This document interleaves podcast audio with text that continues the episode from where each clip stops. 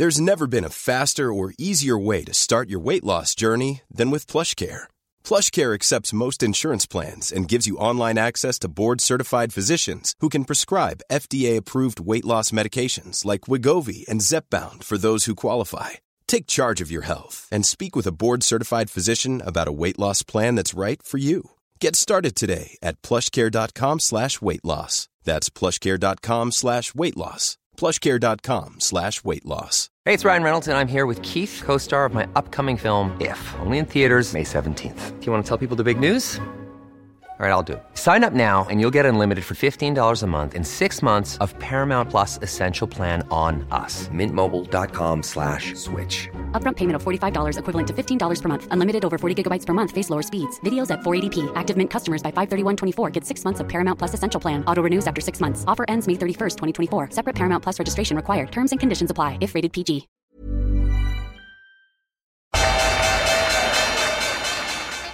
They mistook leverage for genius. Leverage for genius. I would recommend Japan. The governments don't rule the world. Goldman Sachs rules the world. Velkommen til episode 231 av podkasten 'Tid er penger', en podkast med Peter Warren.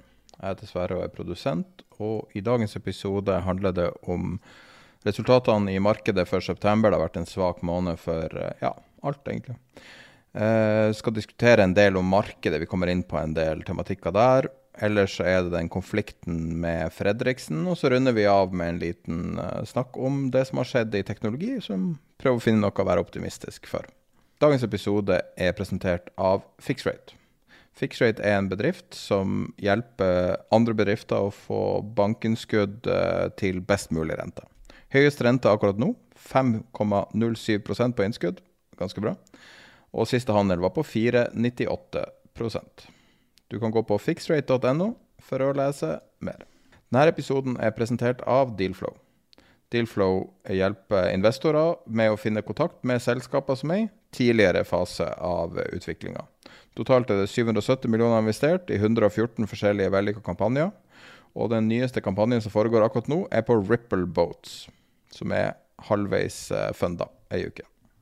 Du kan gå på dealflow.no for å lese mer. Denne episoden er sponsa av IG. Som du kanskje har hørt før, eh, vi har samarbeida med IG i mange år. Og I dag tenkte jeg vi skulle snakke litt om de børsnoterte produktene de har på IG sin plattform. IG tilbyr veldig mange forskjellige ting og mange forskjellige strategier. Så eh, de har børsnoterte produkter som du kan handle uten kurtasje, og til det de kaller konkurransedyktige priser. Og, og um, en grunn til at du vil gjøre det, vil være fordi du ønsker en veldig spesifikk eh, risiko. Så Turbo Warrants handles på den børsen som heter Spektrum, en MTF-børs. Og det gir deg mulighet for å få en kan du si, lignende uh, funksjon som en opsjon har, men på en lettere måte, mer tilgjengelig måte. Og ettersom det er uten kurtasje, og du, hvis du balanserer risikoen, så kan det være en, pri, en effektiv prismessig måte å trade på. Kanskje for en ting som er tilpassa for å være ved siden av en vanlig, eh, vanlig meglerkonto som du har. I tillegg til at du kan handle de her produktene, så kan du også handle utenfor børsens tradisjonelle åpningstider, som gjør at du kan bruke det som en hedging-mekanisme. Hvis du har lyst å prøve de børsnoterte produktene til IG, så kan du gå på ig.com-no hvis det er et spørsmål om du har hørt fra Tid er penger, så kan du si det. Hvis ikke, så kan du nevne det hvis du snakker med dem. ig.com no. Og da kan du også lese mer på sida om børsnoterte produkter. Og som alltid er det viktig å huske at uh, trading er forbundet med betydelig risiko.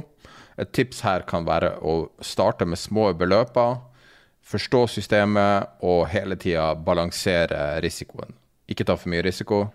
Prøv å, å ikke ta penger. Men det kan gjøre det. Ja.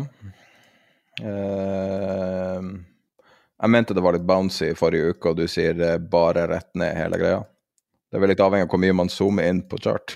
ja, det er hvor mye man, man, zoomer inn. og Hvis vi tar utgangspunkt i september, da, nå siden månedsskiftet er uh, i forbindelse med Uh, nå i, i, helgen så er det jo kanskje mer interessant å se på at tredje kvartal er, er ferdig. Og, men hvis du ser på september, så altså Oslo er unntaket når når, når det gjelder aksjemarkedet, og vi kommer tilbake til det etterpå. Men, men det er jo aksjer, eiendom og obligasjoner da ned. Og så har du dollar og olje som har dratt den andre veien. Og det, det forklarer mye av, uh, av det, også det, det, som har skjedd i Oslo. Hvis vi skal gå igjennom da, det som har beveget seg i, uh, i, i, i, markedet den siste måneden, og da tenker jeg selvfølgelig på, på, på september, så er eh, britisk naturgass det er opp 21% Uran, altså representert med den ETF-en som vi, vi trekker, er opp 19% Amerikansk naturgass 16% og europeisk gass gjennom denne TTF-en, hollandske eh, TTF-en er opp 10 eh, Så dette her har handlet om eh, handlet først og fremst om, om energimarkedet.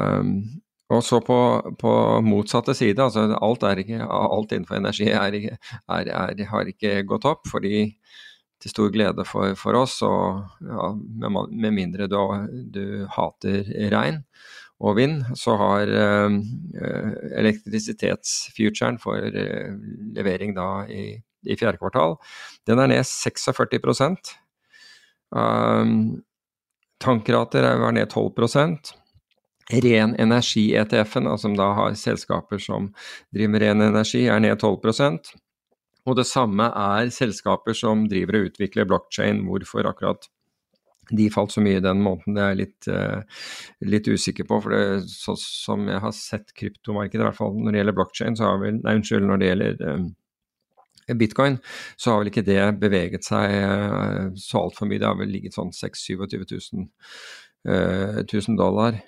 Men er ikke det sånn at uh, Uh, kryptoselskapene går først når markedet begynner å stige, og faller først når markedet begynner å falle, litt uavhengig av kryptoprisen? Jo, det, det, det kan være, men det har jo ikke vært det. Altså, det var en, en, ganske høy korrelasjon der en, en, periode, men det kan jo bare rett og slett være verdsettelsen av, av, av selskapene uh, som, som, utvikler, som, utvikler, tjenester for, for blokkjeden. For øvrig så var gull ned 4,8% og sølv ned 9,2 og jeg, jeg husker eh, altså Stanley Druckenmill han, han, sa vel på NBIM-konferansen, men han sa definitivt, har definitivt sagt det ellers. Han hadde to sånne high conviction trades for, for det resterende av 2023, og det var long gull og short dollar. Uh, dessverre for Stan. Altså, han, har jo, han har jo så vidt jeg vet ikke hatt noe tapende år. Det er ikke sikkert han får det i år heller, fordi han er jo sikkert flink til å snu, men, men det, det, det stikk motsatte har skjedd.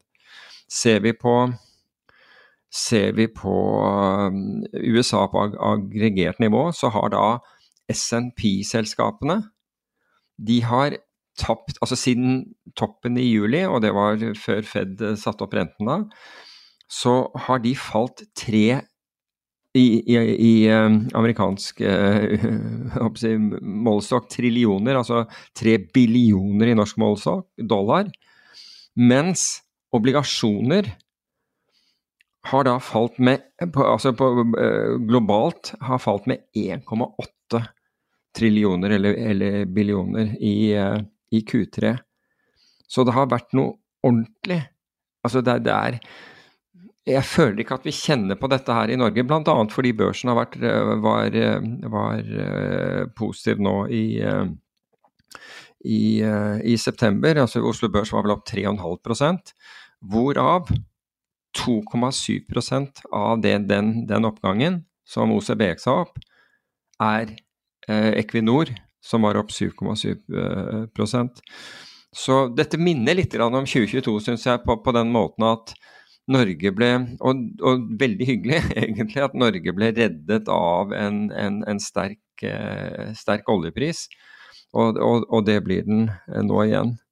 Felles, altså, altså det som har fungert, altså vi vet at aksjer, eh, obligasjoner og eiendom, alle har trukket ned, altså har hatt korrelasjon, som vi sa forrige gang, én, eller i hvert fall altså, hatt veldig høy korrelasjon. Med andre ord, de alle har gått i, i, i samme retning. Men dollaren har, i hvert fall til nå, fungert som en motvekt der for de som har, har holdt den.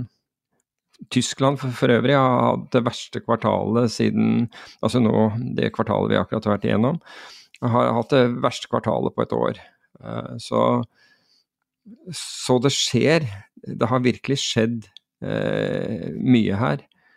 Og, og, en sånn ting som at fordi obligasjonskursene har, har, har, falt så kraftig, altså det er det samme som at renten på obligasjoner har, har steget, så har så, så er eh, yielden på tiårs statsobligasjoner den er, den er, større enn nesten alle selskapene, eh, eh, dividend yield, altså utbyttegild, i SMP 500. Jeg tror det er bare 30 aksjer nå av SMP 500 som har høyere eh, dividend yield enn den amerikanske tiåringen. Uh, unnskyld, en, en, en seks måneder av, av amerikanske uh, treasury-papirer, altså korte, korte, statspapirer. Så korte statspapirer har, har, høyere rente enn den effektive avkastningen du får fra Altså utbytteavkastningen du får fra, fra fra 470 amerikanske aksjer innenfor eh, SMP 500. Poenget mitt er at det er Altså, vi bruker dette altså, uttrykket 'unprecedented', altså aldri, eller man har nesten ikke sett før. Um, og det brukes jo altfor mye. Men, men, det er en del ting som skjer i markedet nå, bl.a. den der korrelasjon 1 på, på, eller i nærheten av 1 på aksjer, obligasjoner og, og eiendom, som vi ikke har sett sett på veldig, veldig, veldig lenge.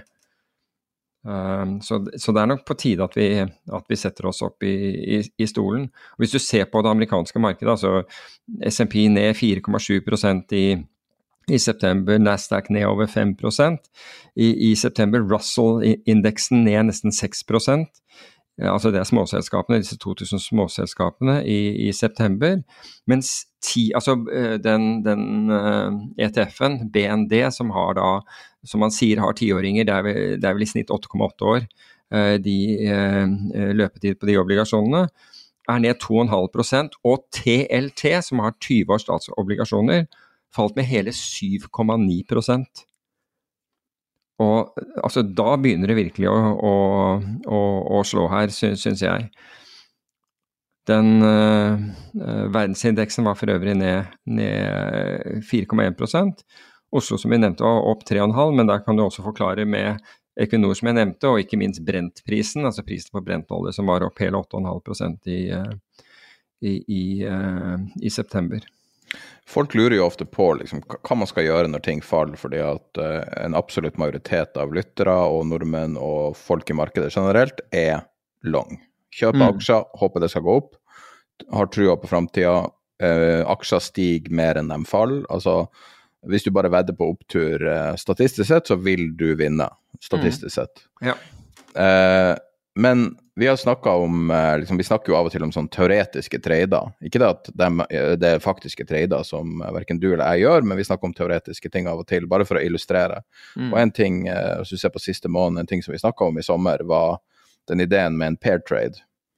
Mm. For å da eh, ikke vedde nødvendigvis på opptur i markedet generelt, men vedde på at to selskaper får en relativ eh, eh, relativ eh, endring i prising. Mm. mm. altså Prisinga endrer seg i forhold til hverandre. Og det mm. var Warner Bros Discovery og Netflix som var hypotesen, da.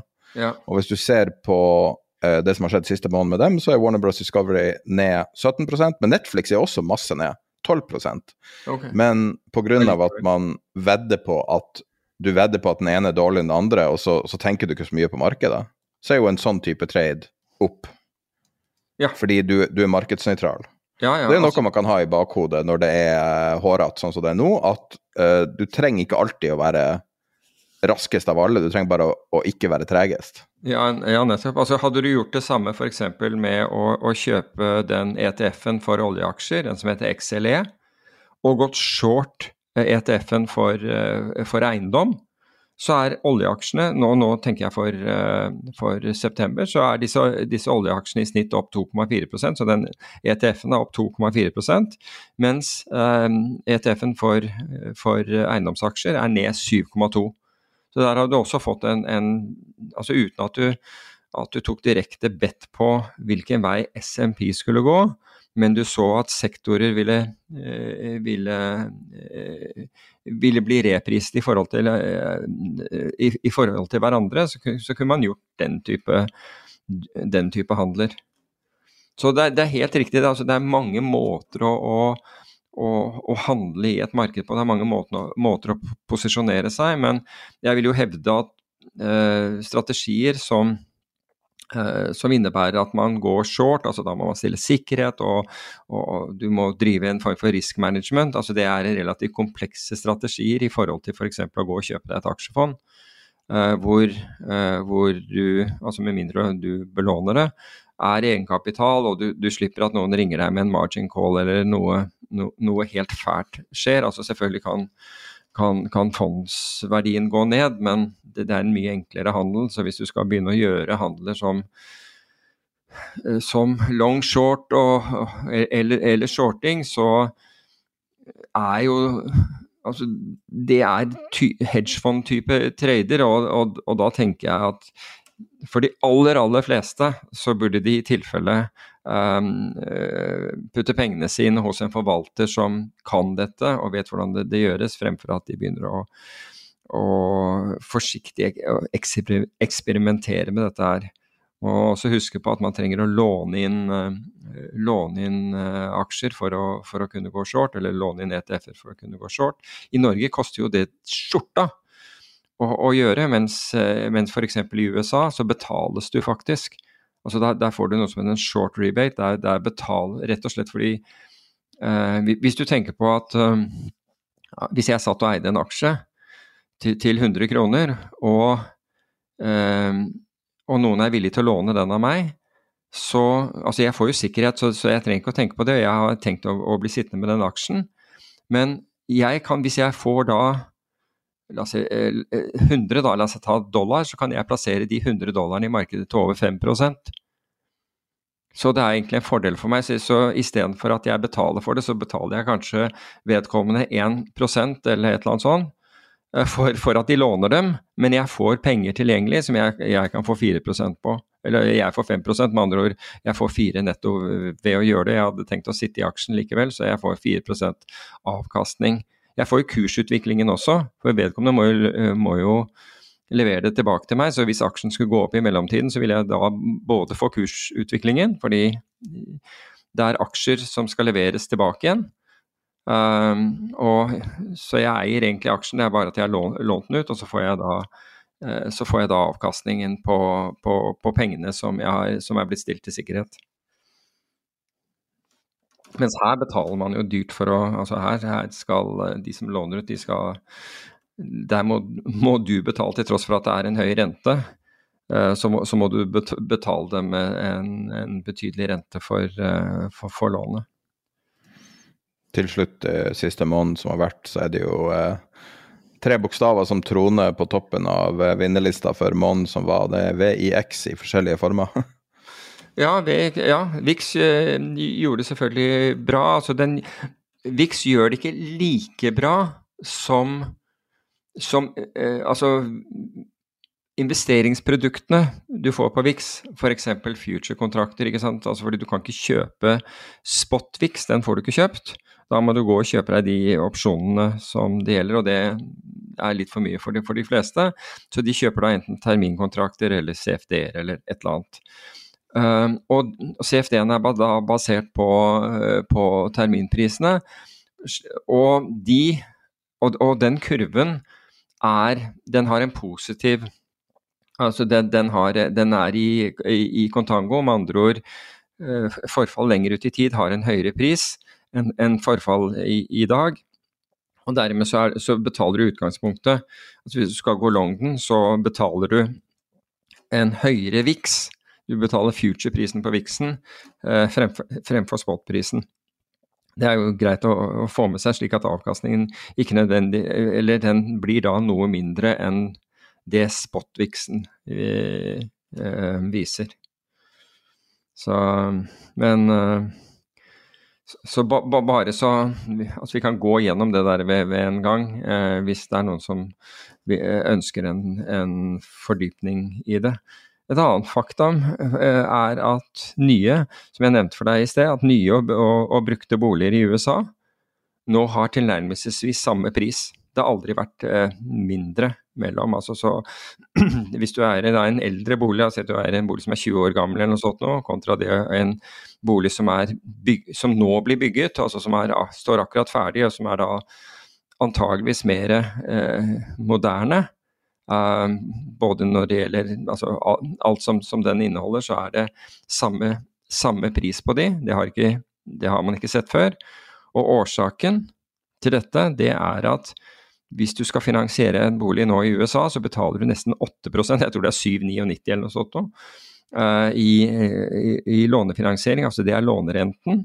Mens eldre boliger i snitt fortsatt har en gjennomsnittsrente under 5 men hvordan regner du den eiendomsrenta? Er det gamle eller nye? For Hvis det er gamle, så er det jo så skewed, den indeksen, at uh... Ja, altså, det, altså, gamle, det, Altså, hvis altså, du har er det eksisterende lån, fordi at ja, 95 av amerikanske låne, lånegiver, eh, låntakere har jo fastrente. Ja. Og derfor er det ingen som vil selge nå, fordi at ja. hvis du selger, så går kostnadene dine i, i taket.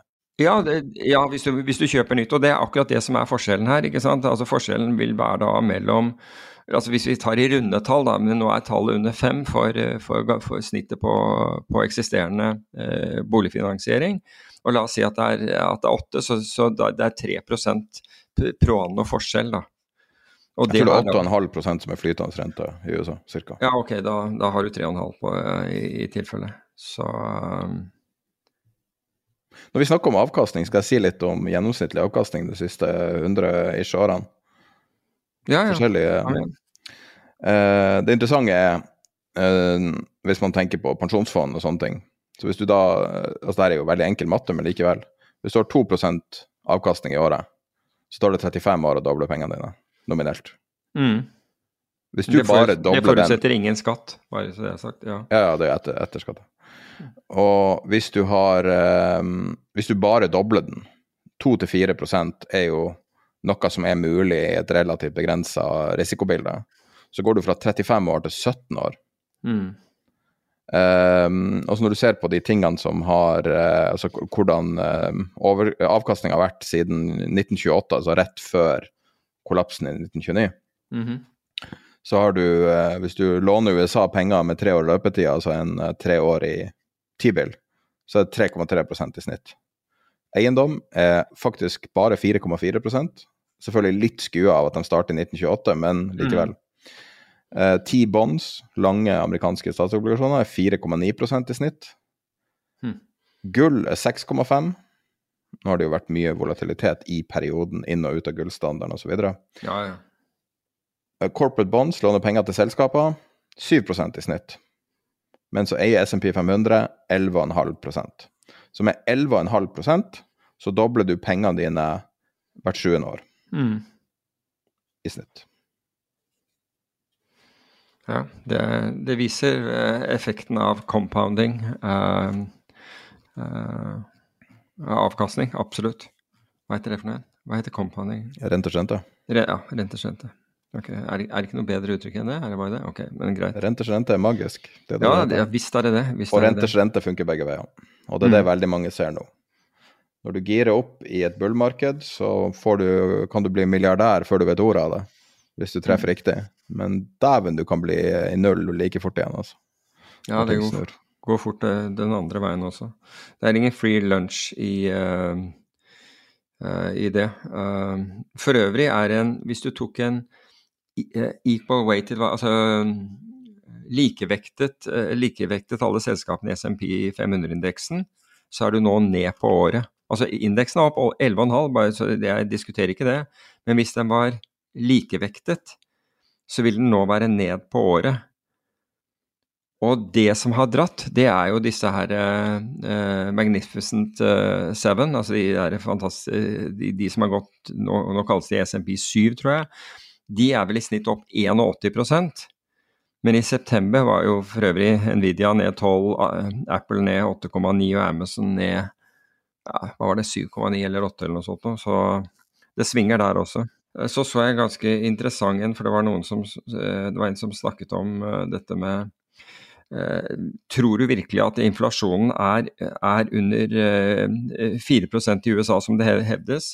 Bensinprisen er opp 44 Airline tickets 33% Brukte biler, de har faktisk gått opp, det visste jeg ikke. 23% Hotell, altså hotellrom 23% En dress er 22% dyrere. Bacon koster 15% unnskyld, 18% mer. Appelsiner 17% mer. Bildekk 16% mer. Uh, furniture som uh, møbler 15% mer. Melk 15 Kaffe har gått opp 14% deliveries 14% brød 14% babyfood 13% suppe 13% og cereals, som er uh, frokostblandinger, har gått opp 12 og Så sier vi at uh, inflasjonen er bare fire, den. Her er en annen sak som eh, stiger alltid, som kanskje ikke stiger så voldsomt nå, men som stiger hvert eneste jævla år. Og det er helse, helseforsikringskostnader i USA. Og hvis du ser da uh, La oss si at vi er ganske lik situasjonen som dotcom-krisa nå. Så, så når, når, det var dotcom, så var helsekostnader for en typisk amerikansk arbeider var ca. 7000 dollar. Hvor uh, bedriften bidrar med ca. 5 og resten er da den ansatte som må bidra med. altså Akkurat hvordan det regnes ut, siden jeg ikke er amerikaner, så vet jeg ikke akkurat, men det, det er jo fordelt at mesteparten er bedriften. Nå er bedriften bidrar med 16 000, og den ansatte bidrar med eh, 5000-6000. Over 200 000 kroner i året per ansatt for helseforsikring. Og, og Obamacare vil de i hvert fall ikke ha.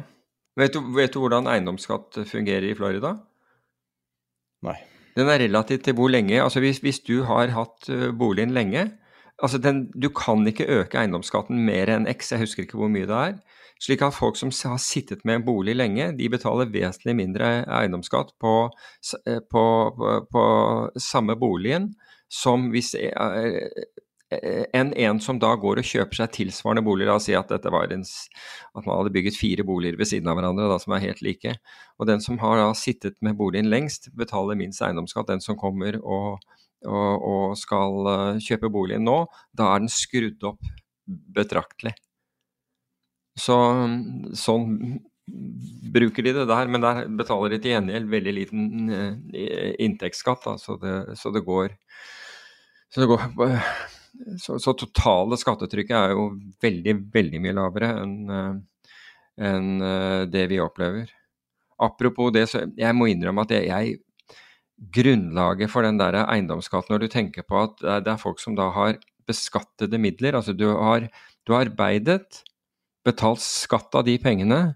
Har du bygget huset, så har du betalt i tillegg moms, som er helt greit og helt riktig osv. for dette, for å da kjøpe deg en bolig. Og så stiger den boligen i verdi av, av, årsaker som ikke du har noe med å gjøre. Du, du får ikke noe mer Altså, du har ikke noe du, Din, din uh, du, du, får ikke inntekter fra boligen. Altså, det er ikke sånn, sånn at, at, at du kan høste av boligen. Altså, du kan jo selvfølgelig leie den ut og selge den, men hvis du har, har tenkt å beholde den, den, boligen, så har du ikke noe mer inntekter av det. Du har betalt, alt er betalt i skatt. Og så kommer da eiendomsskatten som sier at Vi vil ha mer av pengene dine. Staten skal ha mer, enda du har ikke tjent. Du har allerede betalt skatten, du har allerede betalt momsen, du har allerede betalt eh, alle mulige gebyrer for å, eh, for å, å kjøpe og bygge boligen. Men likevel så skal da staten bare Kommer staten og sier Og kommunene Nei, jeg vil ha, jeg vil ha noe av deg. Vil ha vi vil, at, vi vil ha en større andel av dette. Du har ikke, fått, du har ikke en inntekt som, som da Jo, hvis du har en, så, be, så, beskattes jo den utenom.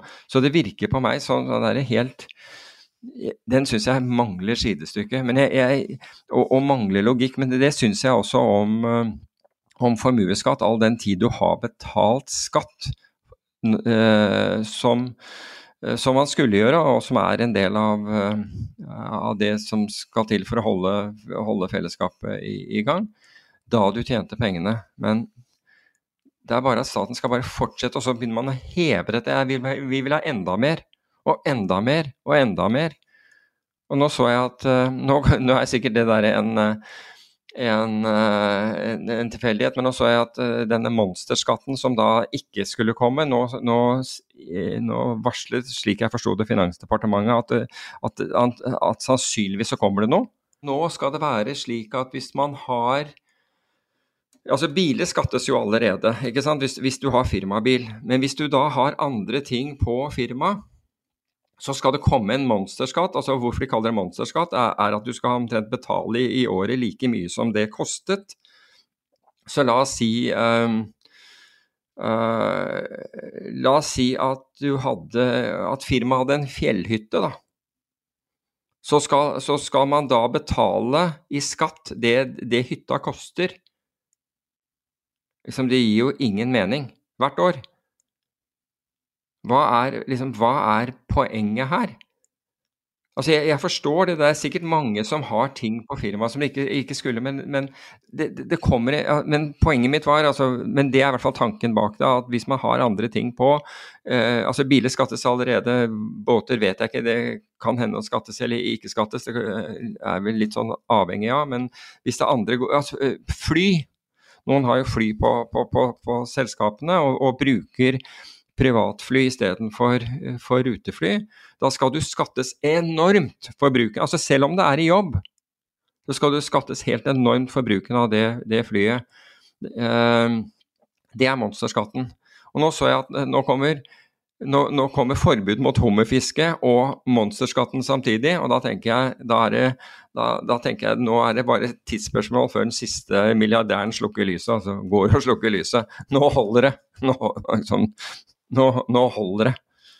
Men eh, vi får nå se. Vi får nå se hva som eh, kommer. fordi de, Jeg mener at både Støre og i hvert fall Vedum hadde sagt at den, den er utsatt inntil videre, men nå virker det som de, de har funnet ut at de var, de var, så populære ved forrige valg, at, eh, og den politikken så, ble så godt tatt imot at nå skal de, nå skal de liksom kjøre den videre, tydeligvis. Det er vel snakk om å, hvor mye klare å destruere før du liksom fjernes. Men uh, vi får nå se. Det var et sidespor. Jeg har ikke eget fly, bare så det er sagt. Har du flydd privat? Ja, det har jeg. Uh, det har jeg noen få ganger. Uh, jeg tror jeg bare har flydd privat én gang hvor jeg ikke har betalt det selv. Um, jeg har ikke fløyet ofte privat, bare så det er sagt, men, men, og det var fordi vi skulle fly inn til en flyplass som, som det ikke gikk noe rutefly til. Så, og da var det, det var, Da jobbet jeg i bank, og da, da, fløy vi inn der. Men jeg husker da, da Vi hadde jo Lehman Brothers, altså vi hadde jo uh, Vi gjorde jo business med dem. Og dette var det, da jeg drev forvaltningsselskap, og, og, og, og, de fløy jo inn med, med, privatfly hver gang fra London. Så var, Da fløy de fra London City direkte til Oslo. De hadde jo en flåte av privatfly. Så kan man si at ja, du ser hvordan det gikk med Lehman Brothers, det er for så vidt, for så vidt riktig. Men uh, uh, sjefen for Goldman Sachs, David Solomon, han, altså Goldman Sachs har jo aldri tidligere hatt uh, ingen av sjefene der har hatt privatfly, de har leiet når, når, de har hatt behov for det. Men det første David Solomon gjorde, var å bestille ikke ett, men to privatfly til, eh, til, til, sitt eget bruk. Og han dro også og fikk de designet, altså innvendig designen selv. Så han la stor vekt på at det var, det var viktig. Det er jo en kjent historie fra Enron-kollapsen om at uh, Uh, mens uh, Skilling sitter, og, altså sjefen sitter og basically ser på endestykket til Enron, så kommer Ken Lay, altså styrelederen, inn i rommet og sier hva du syns om det her teppet til privatheten, for han driver og innreder en ny privathet. altså snakk om å være clueless, liksom. Ja. Men det er det de som har ment at David Solomon var også, det, og det har jo ikke akkurat gått bra. Verken, verken uh, uh, ting som han har satt i gang etterpå, eller, uh, eller, økonomien. Altså Det er ikke det at de taper penger, de taper penger på enkelte deler, men det har jo ikke akkurat vært en, en dans på roser etter han tok over. Og jeg vet at Lloyd Blankfine på partnermøtet hadde vært mer enn gjennomsnittlig verbal i, i sin kritikk av, uh, av, sin etterfølger. Lloyd Blankfine er min drømmegjest i podkasten, forresten. Ja, og han er... kommer jeg ikke til å greie å få tak i engang, tror jeg. Så...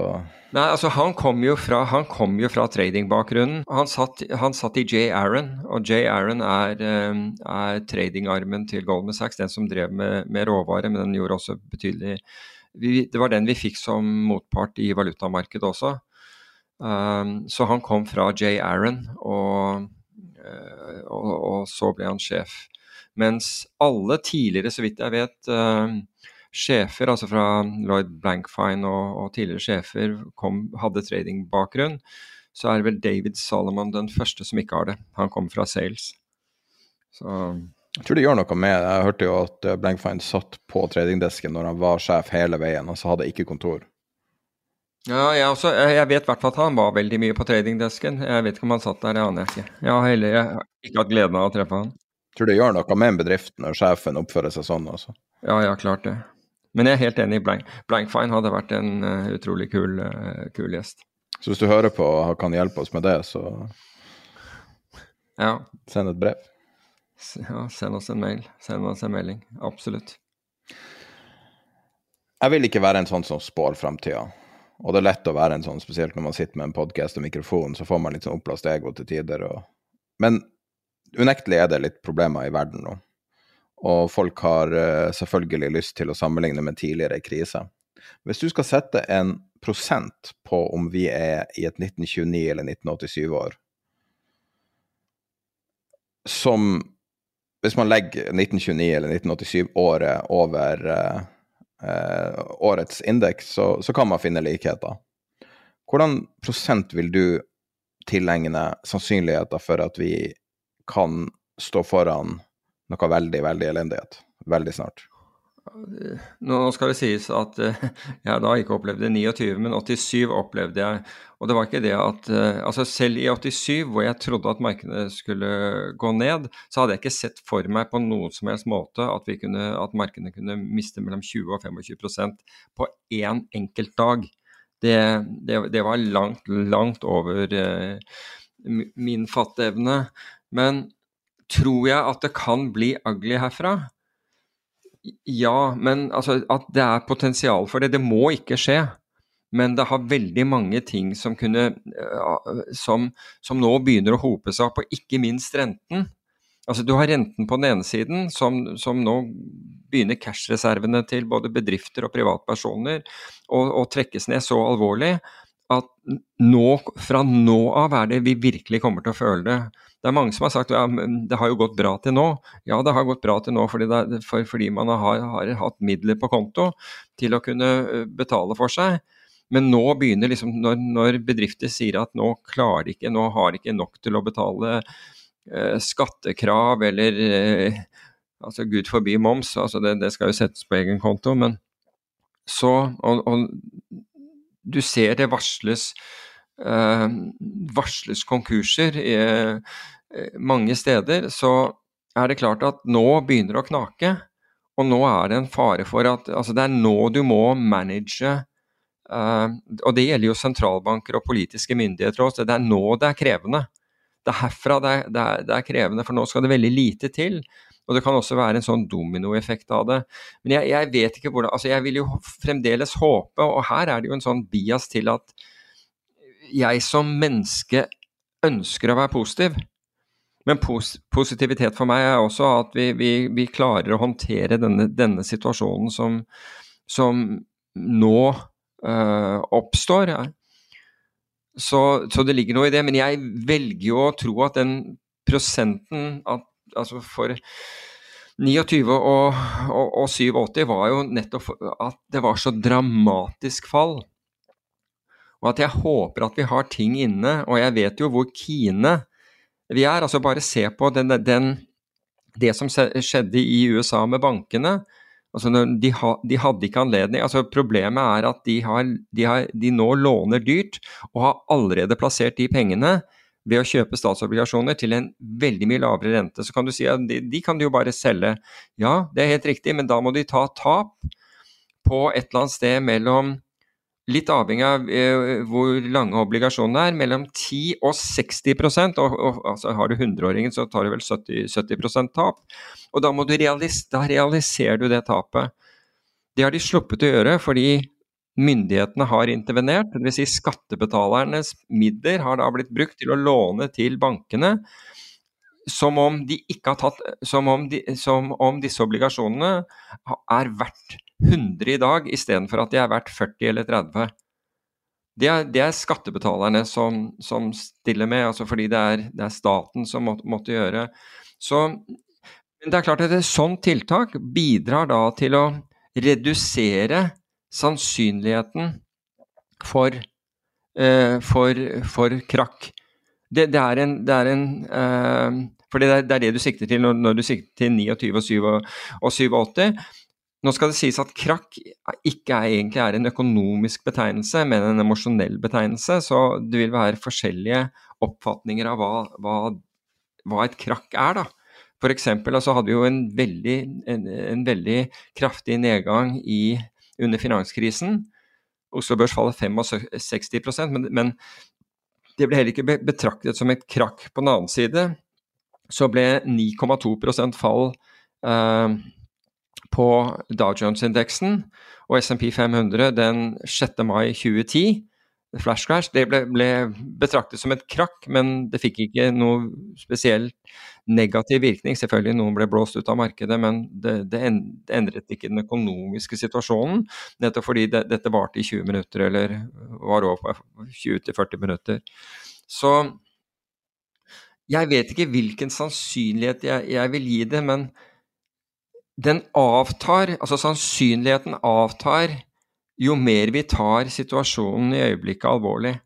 Det jeg er redd for, er at man ikke tar det alvorlig. Så, så en sånn sannsynlighet må knyttes egentlig sammen til med hvor sannsynlig du tror det er for at politiske myndigheter og sentralbanker reagerer riktig og det er derfor jeg altså, Jeg var imot den, den, den siste rentehevingen fra, fra, fra, Norges Bank. Fordi jeg, fordi jeg mener at her, her, gjelder det å vente og se, slik at ikke noe brekker. ikke sant? Og så hever de allikevel. Og det, det, betyr at man må være raskere til å, til å, gå den andre veien. Fordi som jeg leste opp nettopp, ikke sant? Vi, vi snakker om for USAs del, da, hvor inflasjonen er under 4% men alt det vi bryr oss om, alt det vi driver og handler, har steget med tosifret tosifret prosent. Så høy inflasjon. Hvis nå veksten faller, da har du det vi kaller stagflasjon. Og det er et scenario vi ikke har lyst til å være i. altså. En ting som bekymrer meg ganske mye, er hvordan folk heier mot arbeidsmarkedet. Fordi at man sitter og venter. Ja, nå skal renta stoppe når arbeidsmarkedet stopper. For det er et signal om at det ikke er oppheta lenger, nå kan man stoppe.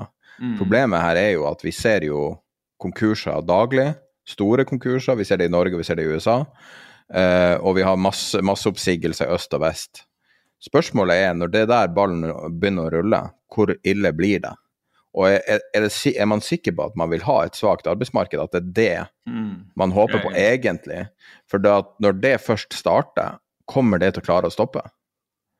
Altså Etter end of the day så, så, spiller det en rolle hvem som sitter ved roret. Altså Forrige gang så var det jo typisk sånn Hank Paulson for, for USAs del, som, da, eh, som, som, da hadde betydelig erfaring fra, fra kapitalmarkedene.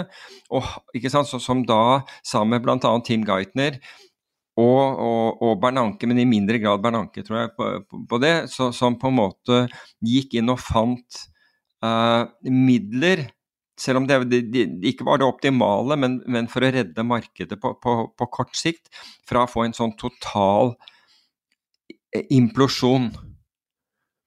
Så det du må spørre om, er ikke bare for, for, for, USA, men like mye for Norge. Altså, har vi de rette folkene ved roret hvis dette her blir plutselig ille?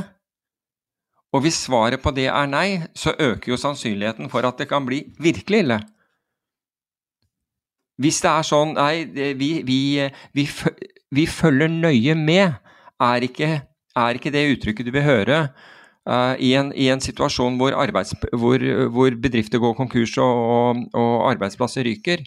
Det, det, er det liksom ikke tid til da, du bør ha fulgt nøye med allerede lenge før den situasjonen, slik at du er klar til å reagere dersom situasjonen dukker opp. Nå sier jeg ikke at det ikke er det, det kan godt hende at, de, at, eh, at regjeringen tenker akkurat på, på, på disse tingene og, og, har noen kriseplaner dersom det, det, skulle skje. Jeg håper virkelig det.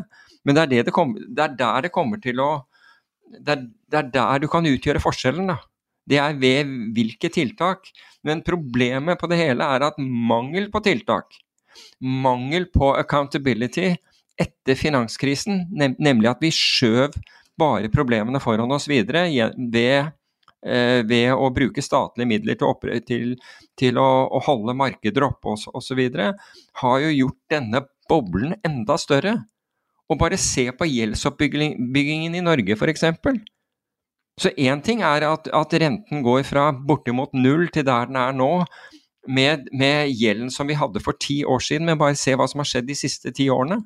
Det er voldsomt hvilken effekt dette her, her får. Og vi var upopulære, det merket vi på kommentarene, da vi, da vi varslet om bilmarkedet tendenser vi så i, i, bilmarkedet, det ble liksom bortimot latterliggjort, og vi visste ikke hva vi snakket om. Og når vi snakket om, eh, om øh, næringseiendomsmarkedet, det var akkurat det samme. Vi hadde ingenting å vise til, det var ikke gjort transaksjoner og, og, og, og Men vi, vi, så jo bare på gjeldsgrad. I, i, i forhold, og at det her var ekstremt små marginer. Og det var det vi gikk ut fra, sårbarheten med det. Nå er ikke det diskusjon lenger. Nå er det allemannseie at det er totalt råttent bilmarked og det er totalt råttent eh, marked for, for, for uh, næringseiendom. Du hører ikke den der er, altså nå, nå, er det jo sånn som at omtrent som vi var de siste som så det. For nå har jo altså nå, De som snakker om det nå, du, du skulle tro at de hadde sett dette i, komme i 1995 plutselig. Det er jo liksom den, den, den situasjonen. Og, og, saken er at liksom, hvis vi ikke tar, tar, signalene underveis Vi er ikke villige til det, for det passer oss ikke. Det er jo, dette handler om, om, folks følelser, altså med andre ord emosjoner. Og av og til så jeg vet ikke, Kanskje vi er taktløse i forhold til å messe med folks emosjoner. fordi liksom, de blir veldig emosjonelle. Det er akkurat som hvis du sier et eller annet om, om, om Tesla og, og, og, bitcoin. Så får du en sånn enorm emosjonell respons. Men det er jo på en måte ikke det som er oppgaven vår, å være, være liksom Ikke si noe. Fordi nå blir folk opprørte. Men så kan du si hva så kan du snu det rundt og si hva har vi oppnådd ved å, ved å snakke om disse tingene tidlig? Har noen, har noen da klart å beskytte seg, eller ta forholdsregler mot det som er kommet? Og svaret på det er faktisk ja, for vi har fått en del folk som da har takket for det og sagt at de bandt renten på basis av, av ting de hørte vi snakke om osv. Altså det, dette ble gjort på deres eget initiativ, det var ikke vi som sa 'gå og bind renten nå', eller noe sånt, vi, men det var liksom mer scenarioene vi, vi, vi, vi, trakk opp. Men jeg tror I sommeren, når det var på bunnen, fastrenta, husker du at jeg hadde snakka med en bekjent? Jo. Så, som hadde noen millioner i cash, og som ville ja, kjøpe ei leilighet. Ja, du, du, sa til han, ja. Ja, ja og da så, la jeg det fram i podkasten og sa at mitt forslag, hvis du ville liksom beholde eksponeringa for indeksen Vi må gå tilbake og høre den episoden da var på sommeren. Mm. Um, så, så, sa jeg at hvis du selger aksjefondet, eller indeksfondet du har, uh, oppnår samme eksponering med opsjoner, og så bind, får du fastrente mm. nå og så kjøper du leilighet med fastrenta, og så har du cash på konto, du beholder eksponeringa i aksjemarkedet, og du kan kjøpe ei leilighet. Ja, jeg husker det. Men det, dette var jo noe du, du, hadde hatt i en privat samtale som dere refererte til. Ja, uh, altså Poenget var at vi, vi, vi driver ikke rådgivning sånn, sånn generelt, men vi har, vi har snakket om, om, disse tingene. Og så er det jo opp til folk om de vil, vil høre på eller ikke. Men, men, faktum er at vi vet at det er en del som har, har, har gjort det, og de har jo da hyggelig nok kommet tilbake og, og, og, og sagt at tusen takk uh, uh, for, for å ha påpekt uh, den, den, situasjonen. Når du først er inne på ting som vi har snakka om tidligere, så er det én ting som begynner å vise et sånn tegn på å bevege seg, og det er diesel. Spesifikt opsjonsmarkedet for diesel har tatt helt av helt i det siste. Og um, det man uh, antar er årsaken til det, er at Russland begynner å gå tom for drivstoff. Og eh, det betyr at man får mindre drivstoff som leker ut av Russland og inn i det globale markedet, som gjerne går via India eller tilsvarende. Um, så det er greit å følge med på det, fordi man må huske at verden går jo på diesel, ikke sant. Jeg, jeg, er, helt, jeg er, helt, enig. Det er, det er, absolutt verdt å følge med på. Men det at, at crackspredden har gått så langt inn, gjør jo at det er ikke så attraktivt heller for, for um, og det har nok også med høye, høye oljeprisnivåer at man ikke kjøper olje for å utnytte det å produsere diesel. Tvert imot, så blir det mindre av det fordi crackspreaden har gått så langt inn at raffineriene ikke tjener penger på, på å, å, å, å, fremstille diesel fra, fra råolje.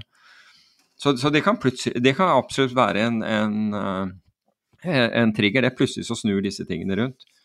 Og så har vi det gående også. Altså Transportkostnader har jo steget uh, ste, ste, er en av de tingene som har, har, steget, og det kan jo og vil stige da, selvfølgelig når vi er avhengig av fossilt eh, drivstoff, i, i aller fleste.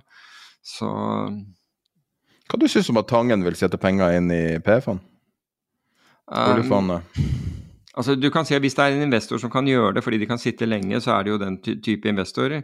Men jeg tror jo altså Det har jo vist nå gjennom et antall studier at hvis du tar bort Altså at, at den rene verdiskapningen i PE-fond ikke skiller seg fra vanlige aksjefond, men, og at den store gevinsten som har kommet, og det, det, har det jo kommet, så det er ikke det at PE har gjort det dårlig. PE har gjort det kjempebra i den samme perioden som, som aksjemarkedet gjorde det bra. Men de gjorde det vesentlig bra. Det Mesteparten av dette er, er relatert til høyere verdsettelser. At markedet har vært villig til å betale mer for den samme varen. Høyere pris for den samme varen. Så nå er vi i en situasjon hvor penger koster mye. Um, og da har du en helt annen situasjon innenfor, innenfor uh, PE-bransjen.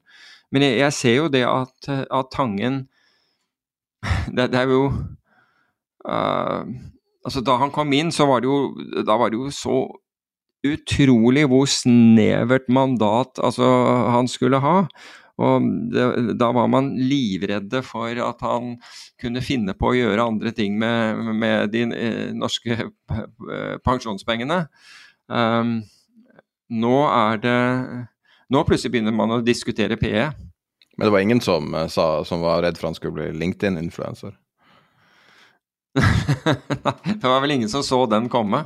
Det var ingen som så den komme. Men, men jeg, jeg, altså jeg, var invitert på det P-seminaret som, uh, som, man hadde i, uh, i uh, nå Det var i forrige måned, midten av forrige måned i, i, i Oslo.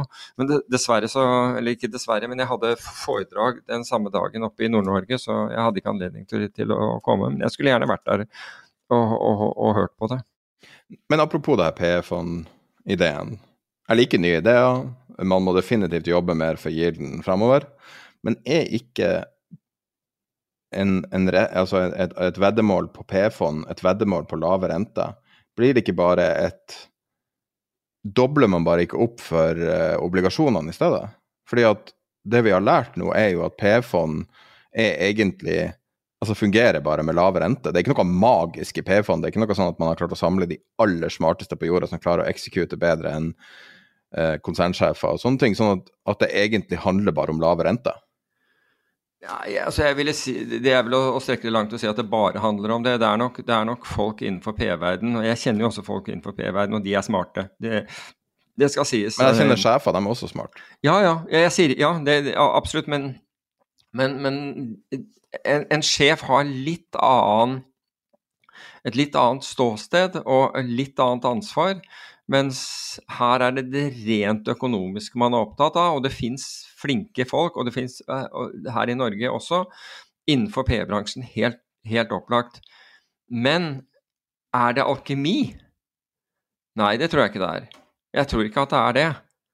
Uh, og jeg tror at det er blitt ekstremt godt hjulpet. Altså, hvorfor skal det være slik? Altså, du har masse flinke folk som forvalter aksjefond, bare ta aktive forvaltere. Massevis av flinke folk, og det er et fåtall av dem som egentlig klarer å slå indeks.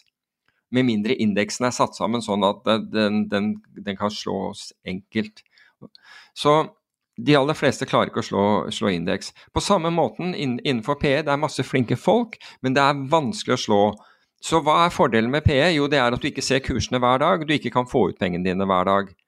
For du får ikke ut pengene dine, det kan ta fem år, ti år eller noe sånt før du får pengene dine. Så én, de får en stabil investormasse som gjør at de kan de har en større frihet til investeringene sine. Det er lettere å følge mandater og gjøre det du skal. Fordi du, du, du blir ikke torpedert av folk som, som, som er, plutselig er uenige med deg, og som, og som, hvis de ikke får viljen sin, tar ut pengene dine sine dagen etter. Du, du får ikke det, slik at du har, en, du har en større ro. Så det er en viss fordel der. Men det er også skremmende på en måte at du ikke har en mark to market. Altså at du ikke har uh, daglige eller ukentlige eller månedlige verdsettelser. For da vet du ikke hva dette her er verdt. Du aner ikke, og, og forvalteren kan, kan si hva, hva, de vil, men det er ikke testet i markedet, for det, de er ikke børsnoterte selskaper i de fleste av dem. Så du vet ikke hva det, det, det er verdt. Og er det slik at, at er det noen grunn til å tro at et ikke fullkomment marked priser dette riktigere enn et, et transparent børsmarked? Mm, uh, tror juryen er ute på den, altså. I beste fall.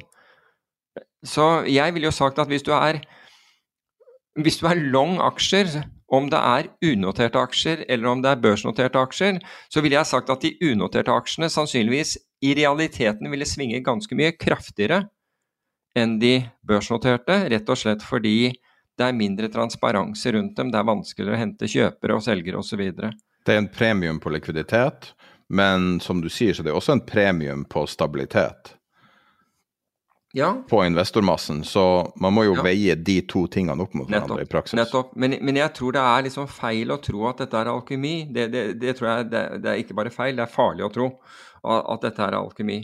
Og så er det det at PN, når er det de, de, de, forteller, når de har realisert noe, så kommer de og forteller vi gjorde tregangeren på den dealen. Og dermed så tror du at fondet har gått opp tre ganger, men det har jo ikke det. For dette er én av 50 investeringer som de har, som endelig har klart å, å, å realiseres høyt. Så er, og P-bransjen er ganske flinke med det der, og du får liksom inntrykk av at det er alkemi, da. Det finnes, det finnes jo alk alkemiaktige dealer. Hvis du ser på hva det EQT når de kjøpte Storm. Ja. Ja, ja. Og så kjøper de et selskap som basically gjør værmeldinger på TV 2. Ett år mm. senere så er det et selskap som selger værdata til fond. Mm. Plutselig er det verdt ikke noen uh, titalls millioner, men over en milliard.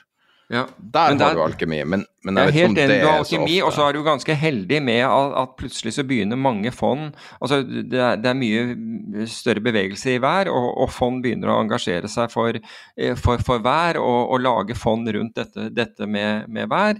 slik at du plutselig får et, et, et, behov som du ikke nødvendigvis ante at var der på forhånd. da. Men så oppstår det, og da er PE kjempeflinke til å til å utnytte et sånt behov. De er, absolutt.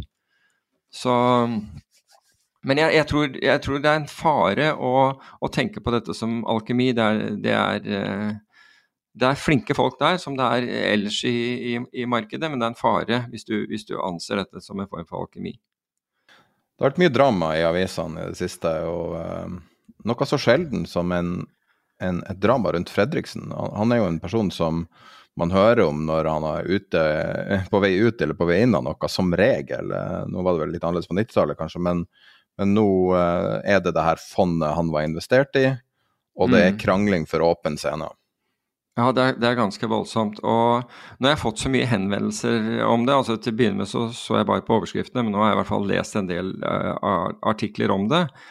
Og det er én ting som slår meg. altså, og det er, det er, som du sier, dette har akkurat nådd nye høy, høyder. Nå skal, det, nå skal det i retten, og, eller det var vel i, i altså første de gjorde nå var å avsette, slik jeg forsto, så klarte de å gjøre det. Avsette forvalter.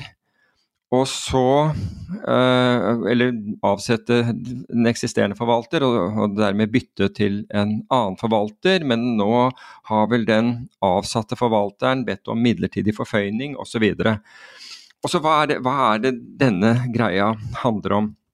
Jo, eh, Fredriksen-leiren hevder, det er vel ganske uh, isolert til, til, egentlig Fredriksen, mener at uh, forvaltningsavtalen er brutt. Nå, nå, bare refererer jeg, jeg har ikke noe syn på dette, bare så det er sagt. Jeg refererer til det som står.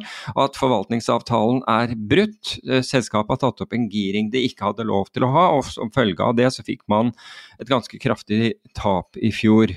Og så har man da mistet tillit til det. Og så da tenker jeg ok, la oss anta at dette, at dette, er riktig. Eller la, la, oss bare se for oss at dette her er en legitim debatt. Altså Fredriksen på, på, sin side mener at dette har skjedd. Forvalter sier nei, det har ikke skjedd. Og så har vi nå hørt om alle disse partene mot hverandre. Er det noe, hvis du tenker på er det noe du føler mangler her nå? For for meg så er det noe som er helt opplagt mangler. Spør du meg legitimt? Ja, ja jeg, jeg, spør egentlig deg. Altså, hvis du, du, har hørt dette her, er det brudd på forvaltningsavtale og liksom illojal oppførsel, og det gikk så langt som Hva var det det Altså Det de sier er spesifikt, er jo at uh, det var krav om at du ikke fikk lov å gire investeringen. Og så det de sier, er at uh, alarmene begynte å gå det burde jo gått med en gang, selvfølgelig, men når de begynner å få marginkrav, først på noe sånt som 12 Nå tar jeg tallene litt ut av hodet, men 12 millioner, og så plutselig 120 millioner, og så og, og du, hvis du ikke har eh, belånt en posisjon, så skal det jo godt gjøres at du får et marginkrav. Eh, og så eh, eksploderer tilsynelatende Fredriksen, og så helvete løs. Men, men det, var, det, var, jo et betydelig marginkrav, slik jeg forsto at, at, man fikk, for dette var eh, var Skistar eller et eller annet sånt man, man nevnte. Men, men, så var det jo var det, altså Nå må jeg være litt forsiktig, men jeg mener også at det var anklage om økonomisk utroskap. Men gitt denne debatten, uten å ta stilling til det ene eller det andre, føler du at det er noe som mangler her?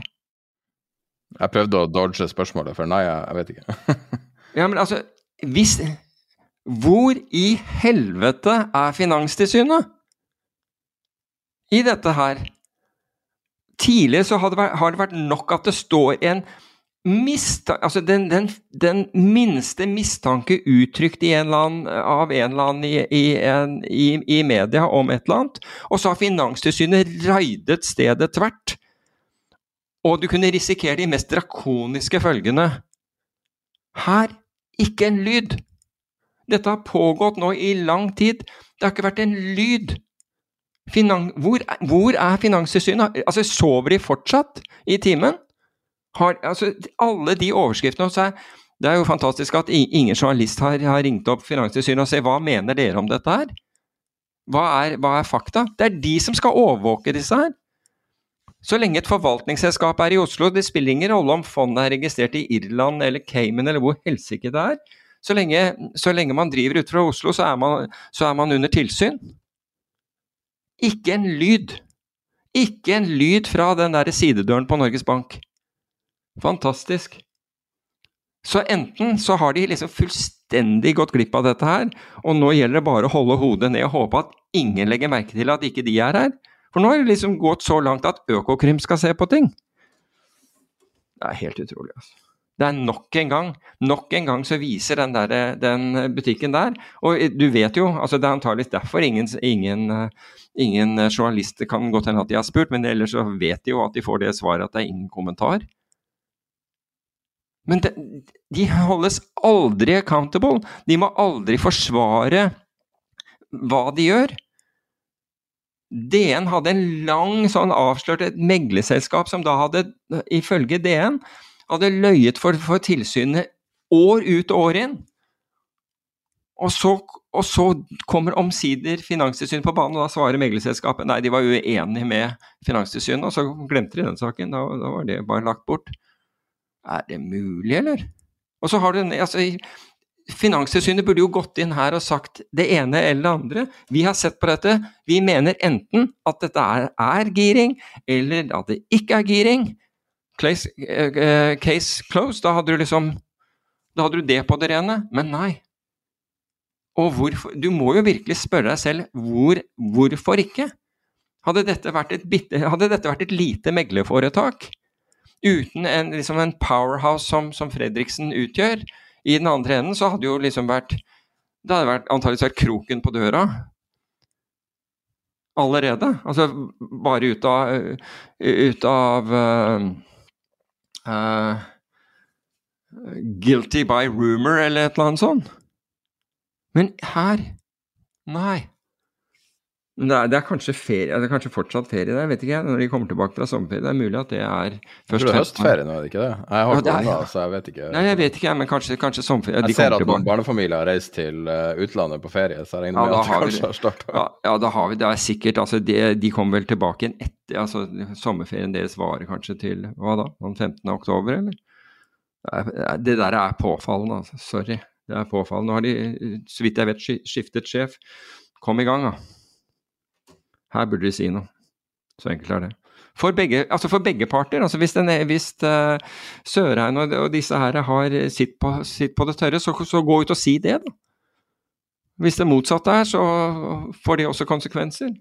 Men skal ikke de også sørge for å trygge liksom, det norske kapitalmarkedet og investorer og motparter og alt mulig sånn? Og så hører du ingenting. Fantastisk. I'm done with that. Skal vi snakke om noe positivt?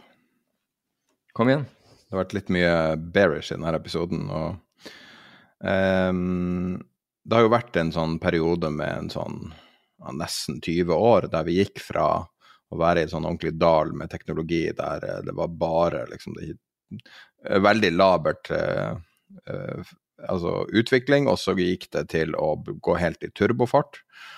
Og det kan se ut litt som at alle de pengene som blir investert over alle de årene, begynner å, liksom, å, å spre seg litt utover, og, og, at vi begynner å se ting modne litt. Og én ting som, som, vi ser litt konturene av nå, er en nytt PC-format, kanskje. Og sist gang man hadde et nytt PC-format, var vel når man fant opp laptopen på 80-tallet. Så det er en stund siden sist. Mm. Og det nye formatet er basert på AR-briller. Så det starta jo med Apple jo, jo annonserte at de skulle lansere på nyåret en sånn brille du kan sitte med, og så kan du legge, sette liksom Mac-en din foran deg, og så kan du bare bruke den, men så har du uendelig med skjermer foran deg. Mm. Så nå har det kommet de siste par uh, ukene, månedene, så er det da Apple, så har du da bilselskapet Nio, Eh, et selskap som de fleste ikke har, som heter Sightful, Meta og Immersed, eh, Immersed sorry. Immersed, ser det ut som. Immersed. Alle dem har en variant av det samme, som er da en måte å Altså, én ting er jo liksom VR og at man skal drive og spille spill og sånn, som ja, det kan man synes hva man vil om, men å kunne bruke det i jobbsammenheng, f.eks. Å, å slippe å ha skjermer, men at du bare trenger et tastatur. Mm. Og jeg tror, altså hvis, hvis det her Snakk om en bransje som trenger vitamininnsprøytning. Det var jo den korte perioden under covid der alle kjøpte seg en ny laptop for de skulle jobbe hjemmefra. Men utover det så har det jo her vært et marked som har ligget nede for telling mer eller mindre de siste ti årene i en eller annen grad, fordi at folk kjøper seg ikke datamaskin så veldig ofte. Er det noe du er interessert i? Altså tenker på eh, med å sitte med f.eks. multidisplay og kunne sitte mer litt sånn eh, Eh, mer inne i jobbverden når du faktisk jobber? Absolutt. altså du, du, sendte meg jo en, eh, en, videolink, og den legger du sikkert ved i nyhetsbrevet, tenker jeg. Uh, men det så kjempespennende ut. Absolutt. Og, og, ikke bare det, men tenk deg hvilken real estate, altså sånn office real estate som, som du sparer på det. Altså ved at du kan sitte hvor som helst, ikke sant? Og, altså ved, ved hvilket som helst bord og, og, ha dette. Du slipper å ha, ha fysiske skjermer. Jeg, jeg syns det så kjempespennende ut. Og det er jo altså da Apple har blitt kritisert deres enhet som er den mest komplekse og mest teknologiske, koster jo liksom eh, antatt å koste over 30 000. Mens de her tingene er ikke dyr heller. ikke sant? Eh, fra flere av de her mindre selskapene så er det relativt enkle løsninger, men som løser akkurat det problemet. Jeg bare syns det er fascinerende å tenke at eh, spesielt å kunne ha et omreisende kontor og bare ha basically et tastatur foran deg, og så kan du velge å være i jobbverden når det passer deg. Ellers så må jeg si at også på personlig grunnlag så må jeg si at jeg er ganske optimistisk i forhold til muligheter for kinesiske bilindustrien. Altså. De har kommet langt. Ja, du sendte meg en, uh, navnet på en bil, og så uh, googlet jeg den og, og, og så den. Uh, så en video av den. Så, så kjempefin ut. Nio. Ja, Nio EL6 heter den. Ja, nettopp. Den, nei, det ser veldig interessant ut. og det her er jo en industri som egentlig ikke har hatt disruption siden, på, siden ja, kanskje bensinkrisa på 70-tallet, jeg vet ikke. Mm. Og uh, her må uh, Volkswagen og Mercedes være, være forsiktige, altså, for at de ser ut som dem, eh, det premiumprisen du betaler ekstra for det, er ikke like verdt det som det var før, da. Nei. Men uh, tenkte vi kunne runde av på litt optimisme, fordi at hvis Kina klarer å og bare leverage sin bilindustri, og at eh, IT-bransjen klarer å finne et nytt segment, så kan det være nok til å snu hele skuta for verden. Ja, du sier noe. Ja. Det er en, det er en, det er en bra note å, å, avslutte på. Jeg støtter det, det, fullstendig. Vi ønsker å være positive. Vi ønsker å, å bevare, eh, bevare, verdiene våre og, og velstanden vår fremfor alt. Vi gjør jo det. Da er vi tilbake neste uke, og i løpet av mellom nå og da så kommer vi til å gjøre eh, planlagt å gjøre tre ganske store intervjuer. Så det ligger litt sånne juicy ting å vente på oss eh, på Patrion de neste ukene. Gled dere og ha en fin uke. Hi, I'm Daniel, founder of Pretty Litter. Did you know cats tend to hide symptoms of sickness and pain? I learned this the hard way after losing my cat, Gingy. So I created Pretty Litter, a health monitoring litter that helps detect early signs of illness by changing colors, saving you money and potentially your cat's life. Pretty Litter is veterinarian developed, and it's the easiest way to keep tabs on your fur baby's health right at home. Go to prettylitter.com and use code ACAST for 20% off your first order and a free cat toy. Terms and conditions apply. See site for details. Even when we're on a budget, we still deserve nice things. Quince is a place to scoop up stunning high end goods for 50 to 80% less than similar brands. They have buttery soft cashmere sweaters starting at $50, luxurious Italian leather bags, and so much more. Plus, Quince only works with factories that use safe, ethical, and responsible manufacturing. Get the high-end goods you'll love without the high price tag with Quince. Go to quince.com/style for free shipping and 365-day returns.